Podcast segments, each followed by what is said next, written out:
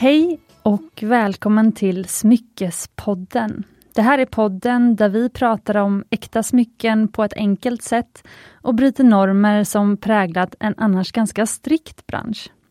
Jag heter Cecilia och för sju år sedan grundade jag ett smyckesmärke som fick heta Mumbai Stockholm. Då satt jag på ett hotellrum i Indien med 2000 kronor kvar av resekassan och började sälja smycken via Instagram. Men två månader senare hade jag flyttat hem till Sverige igen och dessutom hunnit förlägga all vår dåvarande produktion, alltså smyckesmide, till en liten guldsmedja i Katrineholm. Några år senare, efter mycket både fram och motgångar, så anställde jag en tjej som kom att förändra Mumbai Stockholm för alltid. När hon började så var det som att jag lärde mig mer av henne än hon gjorde av mig. På en månad så sålde hon tre gånger så mycket smycken som vi hade gjort någonsin innan. Men hon är inte bara en härlig säljare, en sån som gör kunderna själva glada och uppfyller behov som de inte ens själva visste att de hade. Utan hon lärde mig också om hur en bra relation mellan en chef och en anställd är. Jag hade ett par anställda innan henne, men hon var den första som sa, det är du som bestämmer, jag litar på dig. Och jag sa precis samma till henne. Det lärde mig att en bra relation bygger på tydliga ansvarsområden och att man litar på att var och en verkligen sköter sitt jobb bäst. Jag startade inte Mumbai för att jag ville vara chef. Så när jag sedan blev chef för mina första anställda, innan henne, så var det som att jag ville att alla beslut skulle tas tillsammans av alla. Alla skulle vara med på tåget. Vad tycker du? var alltid min standardfråga. Men den här tjejen lärde mig att lyssna på min egen magkänsla igen. Och då blev allt mycket bättre. Och den här tjejen heter Halina Larsson. Och jag vet att Halina inte bara har den här effekten på mig. Halina har sedan 2017 hjälpt ensamstående mammor, nykära par, människor som just förlorat en släkting eller familjemedlem, nyskilda kvinnor, nyblivna mammor och nyexaminerade studenter att välja ringar i vårt showroom. Ringar som de kanske sparat till i flera år, eller som de kommit in för att spontanshoppa.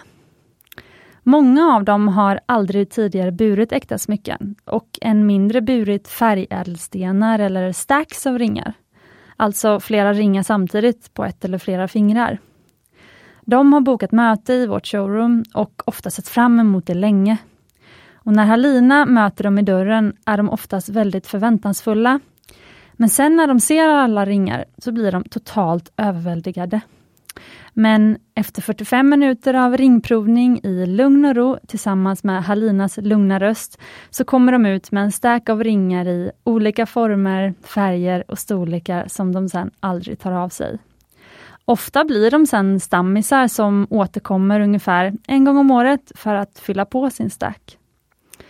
Och jag tror att det krävs något extra för att lyckas vägleda och guida någon man inte träffat tidigare i så stora val som det trots allt är att välja till exempel vigselring.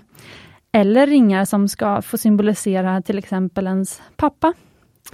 Jag blev alldeles lugn av Halina och ville inte gå därifrån. Det är kommentarer vi fått på Instagram och på mejlen efter att kunder har lämnat showroomet. Och för er som inte träffat henne, så vill jag bara lite kort dra hennes historia.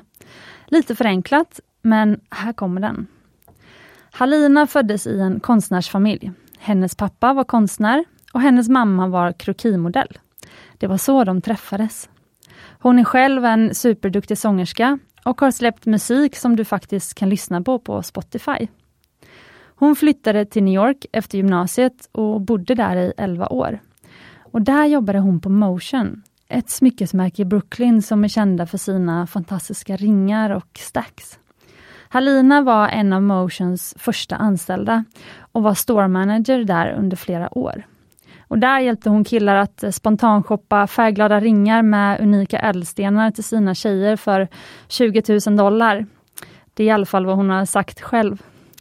Och när jag träffade Halina i New York första gången, året innan hon började jobba hos oss, som för övrigt är en härlig story som jag vill berätta om i podden någon gång. Då kom jag ihåg henne som tjejen med de sju vigselringarna. När hon sen skulle flytta tillbaka till Stockholm för att börja plugga till talpedagog, Då mejlade hon mig och frågade om vi behövde folk. Och jag sa att vi ville börja hålla öppet i showroomet under lördagar. Så om hon ville, ville så fick hon gärna jobba som personal jewelry shopper. Titeln Personal Jewelry Shopper blev till för att jag fortfarande inte ville ha en butik. Det skulle vara bokade enskilda möten eftersom alla som kom till oss ändå behövde så mycket hjälp. När vi provade att ha öppet hus så fastnade man alltid med en kund som hade mycket frågor, ville veta vilka ringar som passade till vilka, hur skulle man tänka när man valde ädelsten och så vidare. Så vi bokade helt enkelt in kunder på specifika enskilda tider istället. Halina var först lite frågande och undrade om vi inte skulle ha öppet som en vanlig butik istället. Men efter första lördagen som Halina hade jobbat hos oss så sa hon Det är så bra med bokade tider, vi måste fortsätta med det. Det är så skönt att kunna hjälpa varje kund var för sig. Och nu sitter hon alltså här framför mig i podden, Halina. Vår alldeles egna fria fågel som har många järn i elden men fortfarande hjälper kunder välja ringar både virtuellt och IRL i showroomet i Stockholm varje lördag. Och jag tyckte att det var hög tid att alla ni som inte haft möjlighet att träffa Halina och få personlig rådgivning av henne i showroomet nu får höra hennes tankar i podden istället. Och En av hennes styrkor handlar just om ringstacking. Det här med att kombinera ihop olika ringar till en snygg helhet. Du får självklart stacka ringar hur du vill. Men ibland kan det ju vara skönt att veta vad, vad är det ofta som gör att en stack blir snygg? Jag har köpt en inredningsbok som på ett väldigt enkelt sätt gick igenom vad det var som skilde mellan att man gick in i ett rum och kände, här vill jag vara, och att man inte kände så. Självklart är det olika för olika människor, men vissa regler stämmer liksom för de flesta. Följer du vissa inredningsregler så blir det helt enkelt ofta skönare och mer visuellt för ögat och fler kommer trivas i ditt hem. Och lite så är det med ringstacking också. Vissa stacks blir bara sjukt snygga. Och hur blir det så? Vad är det som gör en stack riktigt snygg? Och hur köper man smycken som man älskar och vill bära år efter år? Ja, nu är det verkligen dags att välkomna dagens gäst. Så kul att ha dig här, Halina. Tack så mycket! Jättekul att vara här och vilken fin eh, introduktion. Ja, vilka är de vanligaste frågorna du får när du träffar kunder i showroomet? En del frågor handlar ju om, ja men det du diskuterade lite grann där om ädelstenar, men hur ska jag tänka när jag väljer ädelsten eller vilken modell och vad passar ihop? Eh, och eh, sen hur man tar hand om ringarna. Och eh, mycket handlar ju just om valet när man står och väljer mellan olika ringar man har tittat innan. Och så kanske man, då kommer man till mig för vägledning. Så en stor del av mötet blir just att sålla ut eh, det här valet av ringar. Men eh, ja, det är väl mest det. Mm. Vill du gå igenom hur det går till från att en kund kommer in genom dörren tills att den går ut? Hur, hur brukar ett vanligt möte se ut? Absolut. Dels måste jag säga att det är världens roligaste jobb. För att alla kunder kommer in med något att fira oftast. Ehm, och eh, ja, är väldigt eh, glada att få komma till oss och träffa eh, mig där och prova alla ringar och har kanske gjort mycket research hemma och så. Det första som händer är att jag välkomnar dem och eh, frågar om de vill ha lite kaffe eller te, kanske någon eh, godis. Så får man slå sig ner i vår härliga soffa. Och där har jag faktiskt redan valt ut en del ringar. Och då, för vi får ju eh, information innan mötet då gällande vad kunderna är intresserade utav. Så det kanske är två, tre ringar i alla fall. Eller att jag vet vad anledningen är i förväg. Sen brukar jag lägga till lite extra ringar faktiskt. Sånt som jag tänker, men det här kanske man inte har tänkt på. Eller det låter som att det här skulle passa bra också. Och sen börjar det. Och vi, alltså mest är det mycket att man, man små liksom samtalar och har en mysig stund. Och jag får liksom reda lite mer om dem och de får reda på saker om mig. Och sen så kommer vi fram till ringarna och börjar prova och leka och känna. Är det ofta folk blir överraskade med vad de gillar? eller inte gillar? Oftast så tycker jag det verkar stämma överens med att det man har kikat på innan tycker man även om när man är inne och provar. Men sen det, den kommentaren jag ofta får är faktiskt, oj det var ännu snyggare i verkligheten. faktiskt, den får jag ofta. Ehm, och att oj vad det glittrar, sånt där som är svårt att se på bild. Ehm, sen kan det ju vara så ibland att, att någon enstaka gång, så, nej men det känns inte riktigt rätt och då kanske jag kommer med något förslag som är något helt annorlunda. Till exempel ett bredare band eller en eh, större sten eller något tyngre. Att, att, de, att de kanske tyckte att det jag valde kändes, det var inte min stil riktigt ändå när jag såg dem. Och då hamnar ju man, det blir väldigt intressant. För då kanske de ja, väljer någonting helt annat som de aldrig hade tänkt välja innan bara för att jag kom med det förslaget. Och för att jag såg att men det här verkar vara din stil och nu när jag ser hur du reagerar med de här, du kanske kommer gilla den här. Och sen det kan ju bli väldigt, väldigt lyckat. Och eh, just ja, men som en överraskning när de eh, då väljer ringen. Sen, oh, jag trodde verkligen inte att det skulle bli den typen av ring eller så. Men jag vet att du ofta hjälper kunder i slutskedet, alltså att de står och väljer mellan kanske två helt olika ringar. Och sen så ska de liksom välja någon av dem. Mm. Och så brukar de ändå gå därifrån och ha valt och varit väldigt nöjda. Precis. Hur gör du det? Ja, ja, där hamnar vi ofta. Att man står, kanske börjar med fem, sex ringar och sen är det så okej okay, men nu måste vi säga kill your darlings. Och så slutar det med att man står där med två, precis. Det är väldigt, väldigt vanligt. Eh, och det jag brukar göra är att jag rekommenderar att följa magkänslan. Att inte tänka för mycket. Och den ring man, man provar oftast och liksom inte riktigt vill ta av sig, det är den det blir. Ofta så vet jag vilken de kommer välja. För det är den de har provat flest gånger men det är undermedvetet, de är inte helt medvetna om det själva. Eh, så jag, jag, brukar nästan alltid veta så en halvtimme innan de, de själva har koll på vilken det blir. Men eh, ja, jag vill säga att de flesta faktiskt lyckas sålla ner och välja och blir väldigt, väldigt glada av att kunna lämna showroomet och lagt sin order. Och liksom, då kan de gå ut och fira med ett glas champagne eller liksom eh, känna att eh, de har ja, gått därifrån med någonting väldigt unikt och vackert. Skiljer det någonting mellan New York och eh, Stockholm? Om man tänker att du har jobbat på två olika ställen, nästan lika länge på båda ställen. Vad är liksom skillnaden mellan sättet som svenskar handlar smycken på i USA? Alltså i USA överhuvudtaget så tror jag man är mer spontan. Så. Kanske kommer in och inte riktigt har gjort någon research eller eh, ja, bara, gå, bara gå på känsla i stunden. Lite mer. Och sen att man vågar lite mer när det kommer till färg och modeller, något annorlunda. I Sverige börjar det komma mer och mer nu med ädelstenar, färgade ädelstenar. Och eh, andra typer av ringmodeller som inte är de här klassiska. Att man kanske då vågar sig på en stack när man ska förlova sig istället för att köpa de här, eh, den klassiska eh, stora diamanten och sen vigselringen. Men det är väl de sakerna som skiljer eh, skiljer åt faktiskt. För vad tror du är anledningen till den här trenden eller det som kommit på senare år med just stacks? För eh, jag pratar ju mycket i podden om att det här är en ganska strikt bransch, den, är ganska, den har stått stilla i väldigt många år. Eh, det här, eh, när man tänker på äkta smycken så tänker många människor på en stor diamantsolitär kanske, eller möjligtvis en liksom Trinity-ring, en trestensring. Eh, och, och, och, att man oftast får bara köpa smycken till vigsel till exempel. Så då bär man liksom två ringar och det är det. Sen kanske en ring till när man får barn ungefär, eller när man firar tioårig bröllopsdag. Och, så, och det, det, det är det.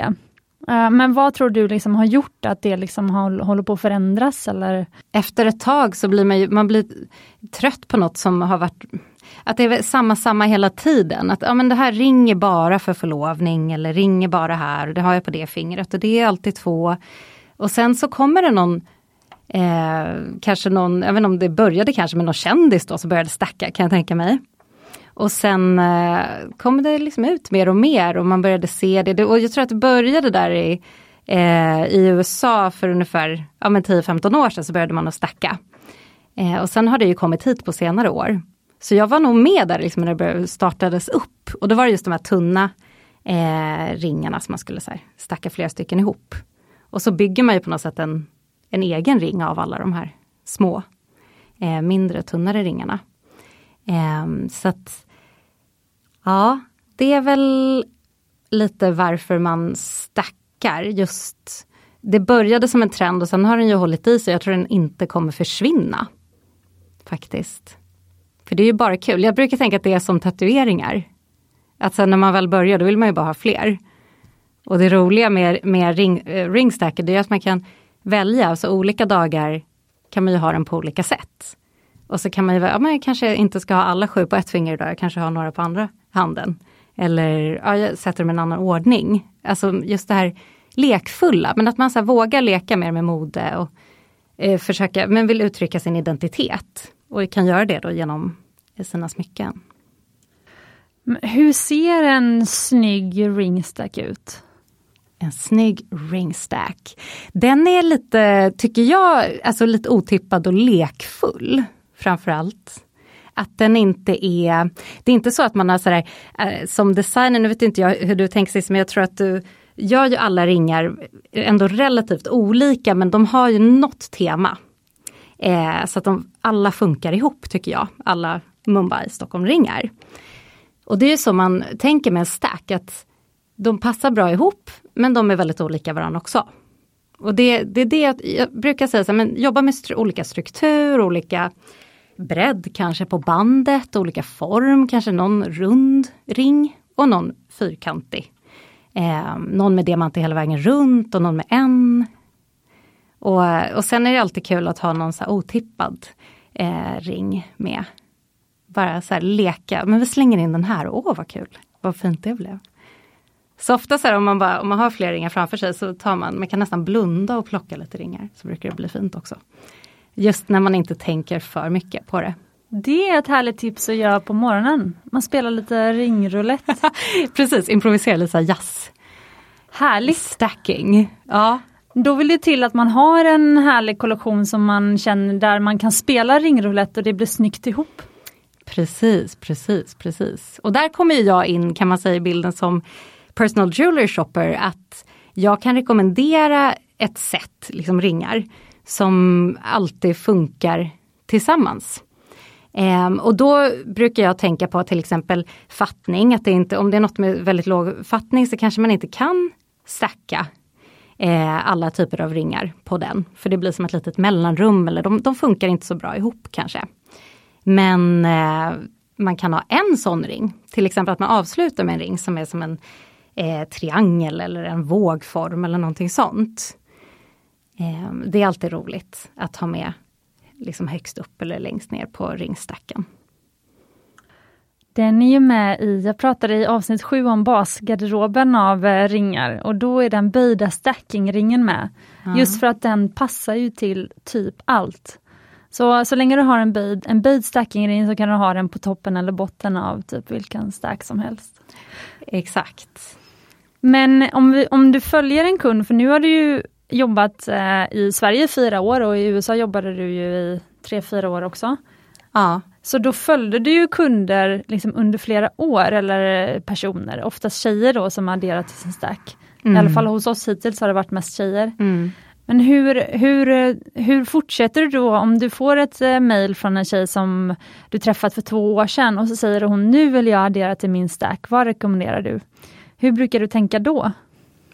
Dels första gången man kommer in så kanske man faller för flera ringar och flera ringar ihop och då skriver jag upp dem i kundprofilen så att man har eh, ett mål kan man säga framöver så med sin stack, ett långsiktigt mål. Sen kan det ju vara så att eh, vi har nya modeller inne. Du har designat något nytt roligt som den här kunden kanske inte ens har sett men som jag vet om.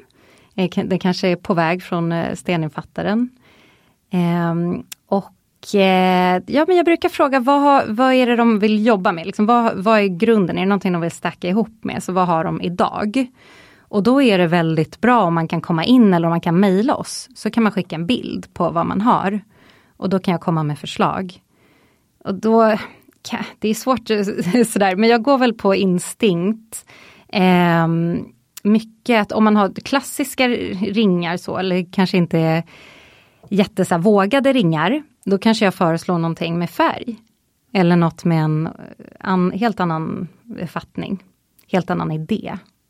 Och tvärtom, har man investerat i den här men, gröna smaragdringen så kanske man kan ha ett lite enklare guldband till med någon liten detalj. Så, så. Och sen tycker jag alltid att tre ringar är Eh, det absolut eh, minimum tycker jag för en stack, att det blir väldigt snyggt med tre ringar.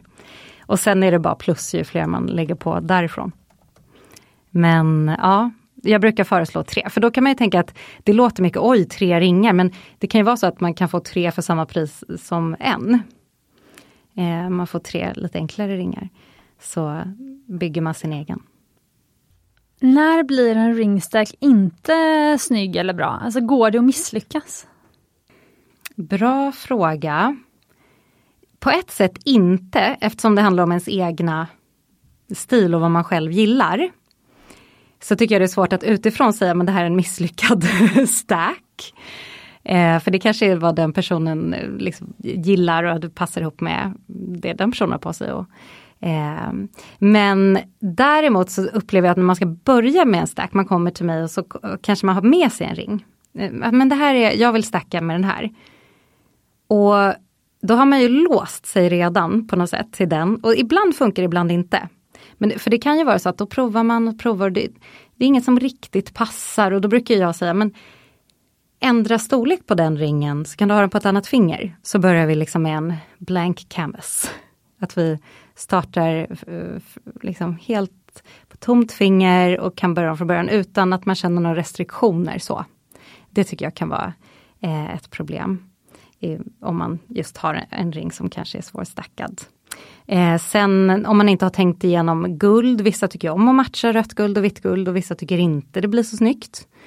Det är också en bra tanke om, man, om just den här ringen man ska börja med är vitt guld men man egentligen föredrar rött guld. Då har man återigen hamnat där att okej okay, men kanske vi ska byta storlek på den och så börjar vi om från början. Vad brukar du få för reaktioner av folk när du säger att de ska liksom ändra det som de redan har eller ehm, Även om du bara ändrar ringstorlek så kan det ju ändå vara att så här, oj det hade jag inte alls tänkt. Mm.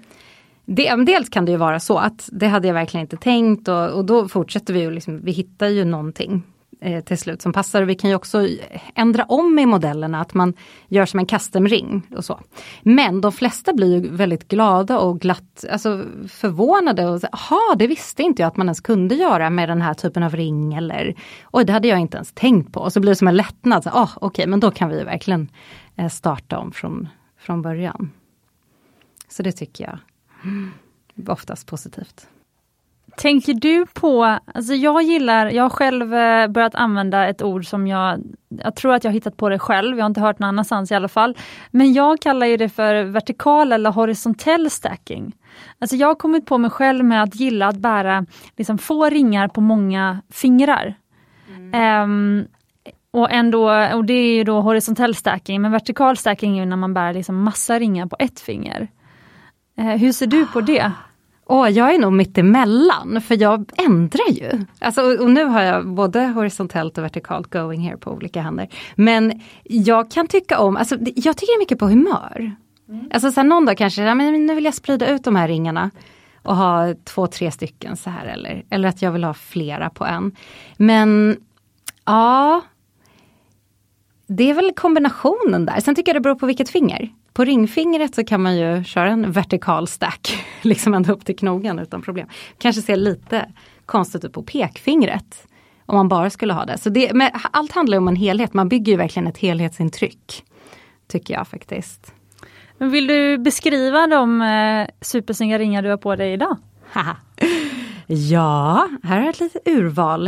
Eh, jag har faktiskt blandat här lite olika, olika designers. Dels dina ringar och sen lite motionringar eh, har jag på mig. Och det är 14 och 18 karats guld, men allt är rödguld. Faktiskt. Och sen har jag mycket så vita och svarta diamanter. Det är mitt tema som jag haft från början. Sen har jag slängt in en liten eh, smaragd, en tiny. Det är eh, en Mumbai-ring. Det är min enda färgglada ring jag har på mig idag. Hur, eh, ja. hur många ringar är det totalt? tre på ringfingret, två på långfingret på höger hand och sen har jag en, två, tre, fyra, fem på förlovningsfingret idag. För en av dem är väldigt, väldigt stor. Ibland kör jag ju sju mindre ringar. Men nu har en maffig eh, antik revival ring fått komma med kan man säga. Kan inte du berätta, för jag eh, har nog sagt det nu två gånger i podden, eh, att, om din, eh, att du har sju förlovningsringar eller ja. numera åtta då. Men hur har du byggt upp den här stacken tror jag fler än jag undrar. Ja men, men det har ju varit med åren och det, det vill jag också uppmuntra eh, ni som lyssnar också att det är någonting man verkligen kan göra under en lång tid och det blir väldigt roligt också att sprida ut det. Så jag har ju byggt de här i mina åtta år. Eh, så började med någonting väldigt enkelt. Min förlovningsring var ju bara ett jätteenkelt tunt guldband med en pytteliten svart diamant. Och min man har ju samma ring men bredare med lite svart diamant. Och sen så kom nästa med några vita diamanter och sen kom en till och sen vågade jag på mig en med svarta diamanter hela vägen runt och sen blev man ju väldigt kreativ och skulle ha någonting eh, lite roligt och otippat och då kom den här då med fem svarta trianglar och sex stycken vita diamanttrianglar kan man säga som ligger som ett pussel på. Eh, och så den både, dels tar den ju över lite grann men sen så tycker jag att det blir fint komplement. För det, det är så man också ska tänka med en stack. Att de ska vara, de ska inte ta över för mycket från varandra utan de ska funka ihop men sen kan det absolut vara någon som eh, vågar sticka ut lite grann. Har du alltid varit eh, ring eller smyckesnörd? Ja men jag tycker det började i tidig ålder med, ja men då var det ju silverringar med någon sån här turkossten i eller Så jag har nog alltid haft smycken. Och sen det, ett roligt eh, fun fact är ju att min mormor som också hette Haline, vi är födda på samma dag. Hon fick jag reda på för några år sedan att hon var butikschef på en av Warszawas eh, största liksom, juvel och smyckes eh, affärer. Okej, okay, wow! Eh, det ligger väl i blodet också kanske. Men jag är så fascinerad just av ädelstenarna, liksom, historien bakom dem, hur de kommer till och sen hela designen. Ditt jobb där, att du då sitter och eh, ja, lyckas få ihop de här fantastiska ringarna från det här råmaterialet. Och till då guldsmeden och steninfattaren. Så det är så otroligt mycket. När man får reda på hur det faktiskt går till så uppskattar man det ju ännu, ännu mer. Men det gäller ju att hitta en designer som man gillar. Så Kul att du finns här och i Sverige, att vi har fått coola ringar hit. Det är jätteroligt. Innan du kommer här, jag vill fråga eh, vad du skulle ge för tips då till någon som ska börja eh, med sin smyckeskollektion som kanske inte bär ringar än eller man kanske har ärvt någon ring och det är det enda liksom, äkta smycket man har och sen kanske man gillar eller inte gillar den. Men, men sen kommer man till, till dig och så vill man liksom börja bygga sin smyckeskollektion. Hur, ehm, hur, hur går du tillväga då? Vad ger du för tips? Det första jag gör är att försöka känna av kundens eh, personliga stil. Faktiskt. Jag tittar lite på vad man har på sig, hur man presenterar sig och ställer lite frågor. Jag vill gärna lära känna kunden så gott som jag bara kan på typ tio första minuterna. Eh, och därifrån kan jag faktiskt kan jag föreslå en bra grund. Och sen visar jag eh, till exempel hur man skulle kunna bygga ut den här kollektionen och, så, och tittar även på vad har du idag? Är det, någon, är det något armband du alltid bär eller någon klocka eller halsband eller ja, eh, då kan man även utgå ifrån det. Och är det så att man har en ring som man har ärvt som man har på sig då kan man ju antingen testa att ha någonting till på det fingret eller att man eh, börjar på ett annat finger. Så råden som jag ger, det är väl återigen det här med magkänsla, det är det absolut viktigaste. Och bara så här, köp någonting som, som du bara, ja, som du känner hela kroppen att du älskar. Du blir glad när du ser på den.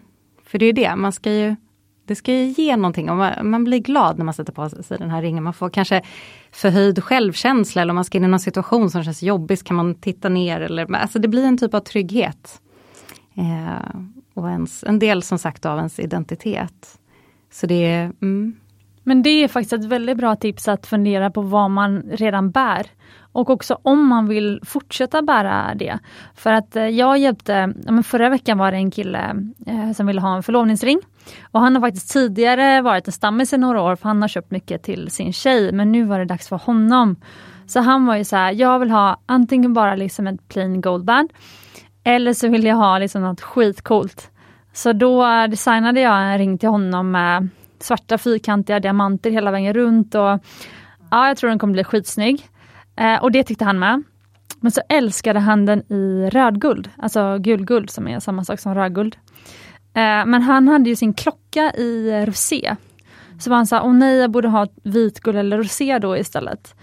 Sen så kollade han på bilderna på ringen. Och sen så och så var han såhär, nej men den är så snygg, jag måste ha den i rödguld. Vet du vad, jag kommer byta ut klockan istället. så här, min tjej säger att jag ändå kommer vilja byta ut klockan om några år, så då får klockan bli liksom, ja. Guld istället också. Så att uh, han gör en rokad då. Vad härligt, mm. det låter som rätt beslut. Ja, han gick på magkänslan. Ja, exakt. Och kände att men det där var min ring. Det är det. Och sen är ofta så i, eh, för vigselringar så händer ju det rätt ofta att kanske eh, kvinnan vill ha vitt guld och mannen då vill ha rött guld. Och det kan ju vara lite så touchy när man sitter där. Men då brukar jag uppmuntra dig att säga från början att välj det du själv vill ha för att ni kan matcha på andra sätt. Man kan skriva in någonting, man kan lägga in en sten, det kommer från samma designer. Utan det är just det här med att välja det man själv vill ha, för man ska ju själv ha på sig det varenda dag. Och det ska verkligen kännas 100% bra och empowering. Men är det många som kommer in och vill välja något från kollektionen men, men som ändå vill göra något personligt av det? Ja, det, men det tycker jag alltså nästan alla våra kunder vill. Och det är därför de kommer till oss. För att de vet att man, dels att man kan sätta ihop olika ringar och göra sin egen grej. Och sen att det finns otroligt många valmöjligheter när det kommer till stenar. Eh, vilken ordning man vill ha de här stenarna och färger. Eh, att vi kan ändra bredd på bandet till exempel. Och sen som du gjorde där, att du designade något eget och det är något som du även har visat på Instagram att du kan göra så otroligt mycket. Eh, väldigt, väldigt stor bredd som designer och därför tror jag eh, våra kunder kommer just till oss. För att de känner att det finns det spelutrymmet. Men jag brukar faktiskt säga det när folk, för många tror att de vill ha mer skräddarsydd än vad de egentligen vill ha. Mm. Alltså de gillar en, ett smycke som de har sett på bild och så säger de så här, eh, ja men jag vill ha det här fast så och så. Och så är det så här, ja men då är det egentligen bara att ha ett smalare eller bredare band och, och så lägger vi till en liten diamant på sidan här och så liksom blir det något eget. Och jag brukar tycka att det är bättre att välja liksom en kollektionsring som redan finns, för att den är mycket bättre designad. Alltså jag är ju designer själv så jag vet ju hur det går till där bakom. Alltså en kollektionsring, lite som du var inne på förut, men Eh, jag började väldigt eh, enkelt med, liksom, precis som du började med din vigselringstack. Min första ring var eh, också en, bara ett slätt guldband med en liten diamant i. Och det var nog också en svart diamant tror jag den första var faktiskt. Och sen så liksom alla ringar som kommit efter det har liksom jag designat och byggt på efter. Eh, men, och tagit mig an, också som designer handlar det om att ta sig an svårare och svårare uppgifter. Och mer och mer komplicerade fattningar eller stenar och sånt. Eh, och eh, de, då blir de så himla liksom välanpassade till varandra. Alltså om du då ska göra en helt custom ring så kanske den inte kommer passa till någonting du vill ha i framtiden. Men liksom kollektionsringar är ju liksom anpassade för att kunna skräddarsys lite granna så man verkligen känner att ah, men jag får en personlig ring, det är en annan färg eller en, en annan färg på stenen eller något sånt där. Eller jag graverar någonting och så. Uh, men det kommer ändå passa till så mycket annat så det blir liksom roligare många år senare. För jag upplever att en skräddarsydd ring, folk uh, tänker väldigt mycket innan och man har så stora planer och man har så mycket förväntningar på den här ringen.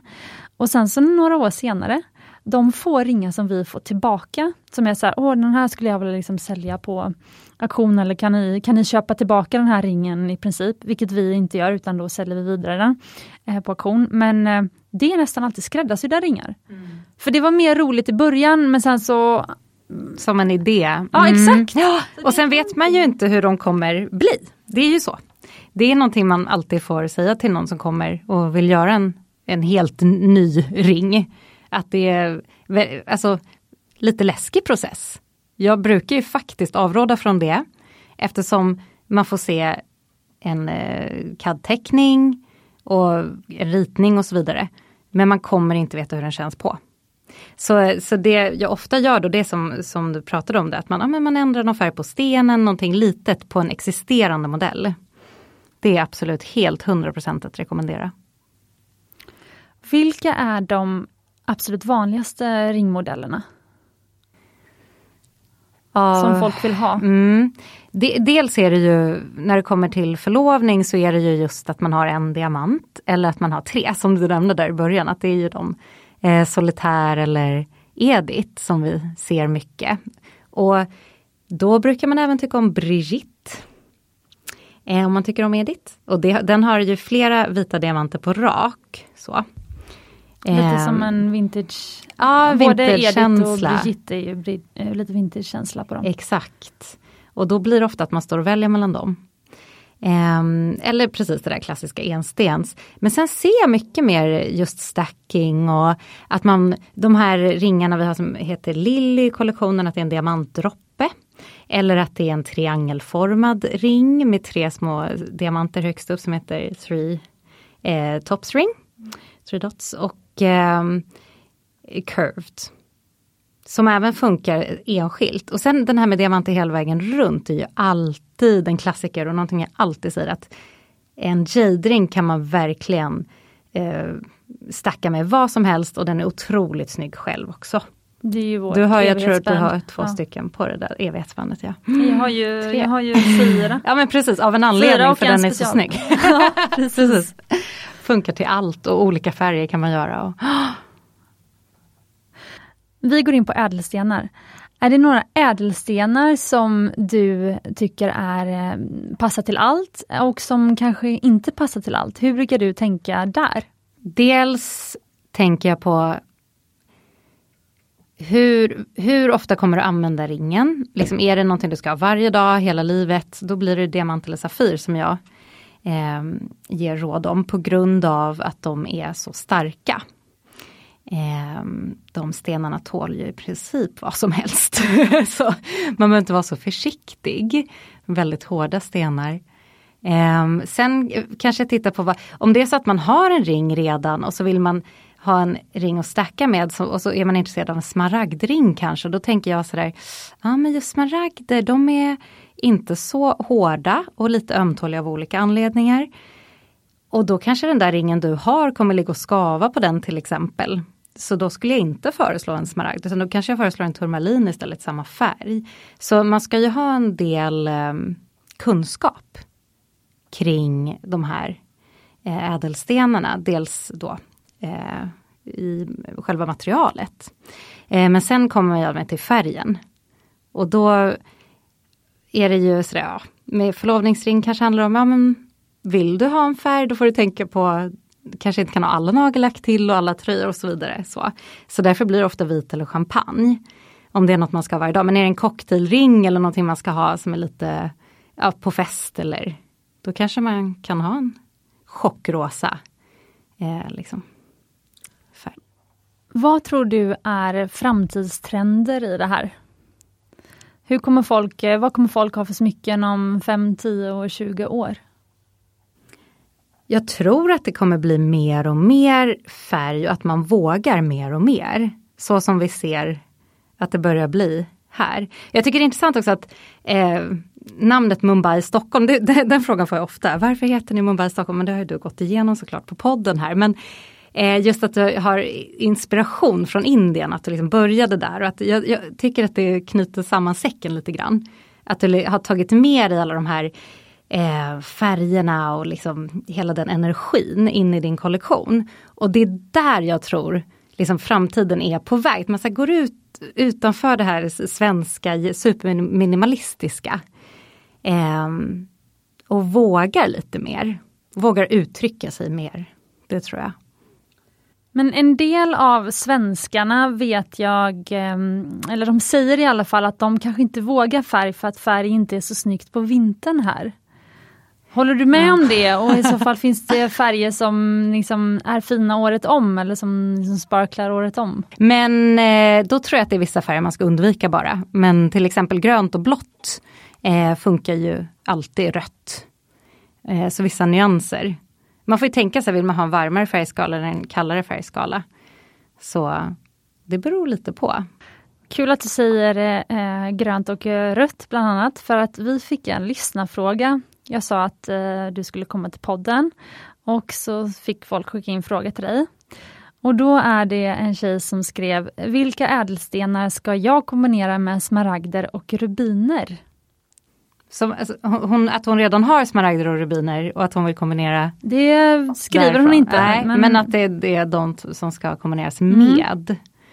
Ja, där, då har man ju redan färgen färdig. Så då skulle jag säga, men kör på vitt. Eh, eller champagne. Egentligen med smaragden skulle jag kanske till och med för, föreslå champagne. Eh, jag tror att du, som jag har gjort här, champagne och smaragd, det är superfint ihop. En rubin, det, det, kan ju bli lite kungligt en rubin och en vit diamant. Alltså sådär, det beror ju på vad man är ute efter. Så återigen så kan man eh, matcha det med champagne eller kanske en typ Dusty Rose skulle vara snyggt. Dusty Rose, vilka mm. stenar finns i Dusty Rose? Ja men någon, eh, någon form av rosa champagneaktig då. Eh, möjligtvis eh, lite lila men då, då, hamnar man ju på Safirerna. Kan ju vara så att man har någon turmalin också beroende på vilken modell det är man tittar på. Så det har ju vi i showroomet, eh, flera olika rosa nyanser. Dels de som är jättechockrosa och sen de som är lite mildare rosa. Och då kan det vara fint med mildare rosa till eh, en rubin faktiskt. Skulle jag välja. kanske. Håller med mm. faktiskt, mm. bra tänkt. Mm. Fick en annan fråga från en tjej som faktiskt vann en ring på auktion förra veckan.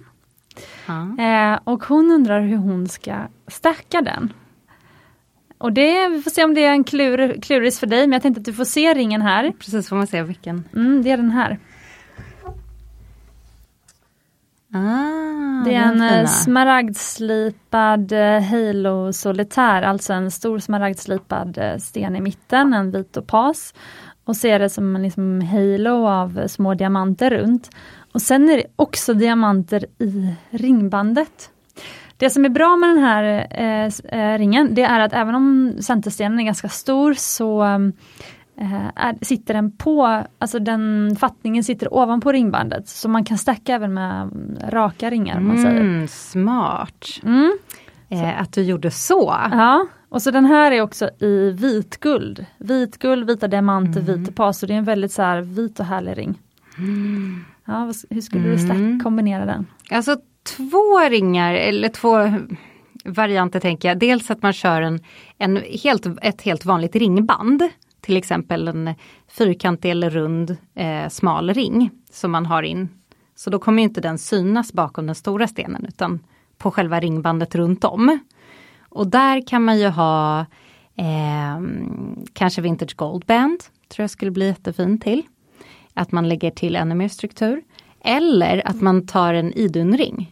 Då får du beskriva, ja, alla lyssnare är inte Mumbai-fans än. Eh, så beskriv Vintage Goldband och eh, Idun. Ja, Vintage Goldband är en av mina nya favoriter, verkligen att ha i en stack. Eh, så den har som en eh, milligriff heter det tror jag på smyckespråk. Men det är alltså att det är en enkel guldring men istället för att se den här blanka guldytan så upplever man nästan att det är massa små diamanter i för att den har en struktur i sig. Det är nästan som att den är liksom eh, vad ska man säga, graverad av massa små prickar, precis guldprickar, man måste se den för att googla, kolla på vår hemsida. Ehm, eh, men det är inga stenar i, utan det är bara helt, helt enkelt bara guld. Och sen har vi då Idun eh, som också är, den är relativt ny. Och den tror jag, nu är det svårt att se, för återigen, där måste man nästan få prova. Men att den skulle lägga sig som en båge liksom, över den här ringen. Och rama in, för så kan man också jobba med stax, att man liksom ramar in stenen eh, och just lägger till ännu mera då diamanter. Mm. Kul, du, och då väljer du att hålla det här till en helt vit, vit eh, stack? Nu är det ju vitt guld sa vi här va? Mm. Mm. Där brukar jag säga ja, vitt eller blått. Mm. Möjligen någon rosa, men jag skulle nog inte köra några varma toner. Faktiskt. Lite vad man gillar. Gillar man lila kan man ha det också, men just att hålla sig till lite kallare. Men just om man eh, tänker på stack så, alltså jag gillar också att inte, jag, jag gillar att den här bara fick vara helt vit. För att det är så mycket speciella ringar. Mm. Alltså i stacken redan. Två av de här ringarna är ju liksom väldigt speciella och har olika form och struktur och så. Och då tycker jag det kan få vara fint när man liksom jobbar med det istället för att jobba med att, liksom färg, färgkollektioner. Precis, precis. Mm. Den är jättevacker. Så eh, då får hon boka möte i showroomet och eh, eh, prova ut de här göra. ringarna. Absolut. Vi kan även eh, ta lite videos och skicka förslag. Precis. Ja, stort tack Halina. Tack själv. Det har varit superkul att ha med dig idag och jag är så glad att du tackade ja till att vara med i podden. Och eh, vi har ju redan förberett nu, eller jag har redan bett dig att komma hit nästa vecka igen. För jag tänkte att det här bara skulle vara som en eh, ehm, diskussion mellan oss och sen så är jag glad att vi fick in eh, några lyssnarfrågor. Eh, men sen så också för att väcka lyssnarnas tankar själva om eh, vad liksom en ringstack är och hur man kan tänka när man ska liksom börja bygga sin ringkollektion. Så, och jag hoppas att du som lyssnar har fått de här tankarna och frågorna och att du direkt går in på Smyckespoddens Instagram och skickar DM till oss. Så kommer Halina och eh, jag också, om det är så att det är frågor till mig, men framförallt Halina svara på frågorna nästa vecka. Så blir nästa Mm. vecka som liksom en hel lyssnarfrågepodd då förhoppningsvis. Vad kul. Mm. Skicka in. Men är det någonting som du, är det något tips du, de som sitter hemma nu och lyssnar och som så här, åh men jag, eh, jag nu, nu är jag redo, efter att ha lyssnat på Halina är jag så redo att liksom köpa min första ring eller börja bygga min kollektion. Vad, vad vill du säga till dem då? Man kanske är lite sådär, var ska jag ens börja? Herregud, den här världen är ju så stor. Mm. Då kan man ju egentligen börja nä nästan var som helst. Man kan ju absolut mejla oss. Eh, om man har några ringar man tittar på. Så kan vi säga, men den här kanske inte är jättelätt att bygga på en stack. Så den tar vi bort. Eh, men de flesta funkar ju. Så välj det du absolut, det du blir helt kär i. Den ring som du känner är du och som ger dig styrka. Som du blir glad av att titta på. Och att den får representera någonting. För just dig. Jättefint tips. Tack så mycket. Tack! Och om du gillar Smyckespodden och vill att vi fortsätter spela in så kom ihåg att du väldigt gärna får ge oss en rating i din podcastspelare. Jag vet att jag låter lite som en bandspelare på repeat, men jag påminner om det här för att det är så viktigt och det är i princip det enda sättet som en podcast kan spridas på. Att vi får stjärnor från er lyssnare och att vi får många subscribers. Och om du redan har gjort det så tusen tack! Och glöm inte, du är värd äkta smycken. Vi ses nästa vecka.